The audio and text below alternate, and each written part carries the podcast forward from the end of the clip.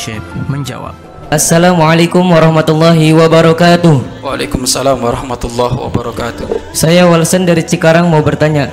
Saya satu ibu lain bapak. Apakah saya mendapat warisan dari bapak? Tapi ibu saya wasiat harus mendapat warisan itu. Bagaimana abah? Syukur atas jawabannya. Satu ibu lain bapak. Satu ibu lain bapak berarti suami bapak yang pertama meninggal. Punya anak dirinya. Ya. Kemudian ibunya menikah lagi.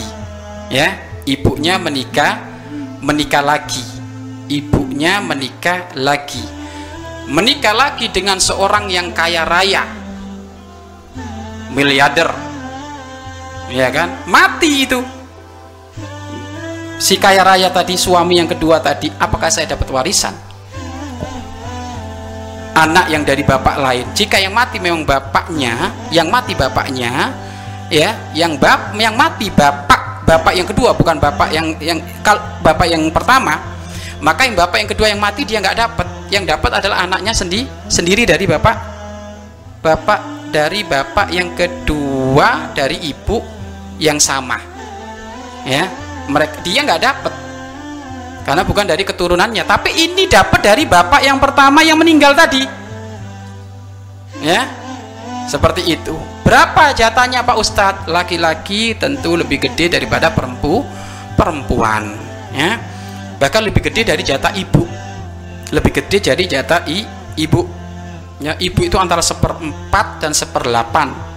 Jatahnya ibu itu antara seperempat hingga seperlah delapan zaud atau zauja itu. Seperempat hingga seperlah delapan.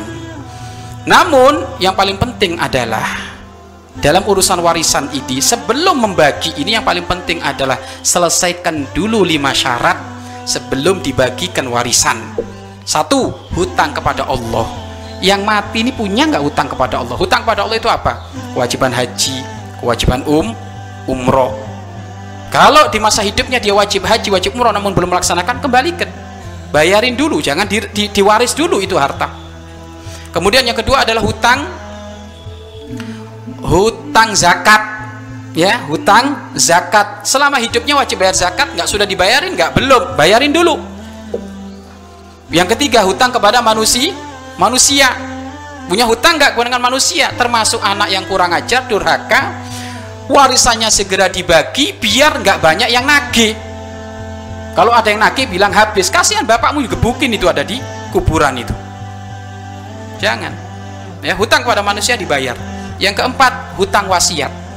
Semasa hidupnya pernah ada wasiat enggak? Namun wasiat ini yang boleh dipenuhi tidak boleh lebih dari satu per tiga harta warisnya. Ya melebihi satu per tiga harta warisnya harus minta izin ahli waris. Yang kelima, biaya memandikan, mengkafani, mengkubur, bukan biaya tahlil 40 hari setahun enggak, itu enggak dihitung. Ya, yang dihitung hanya biaya pengkuburan, memandikan dan mengkafani. Wallahu a'lam bishawab.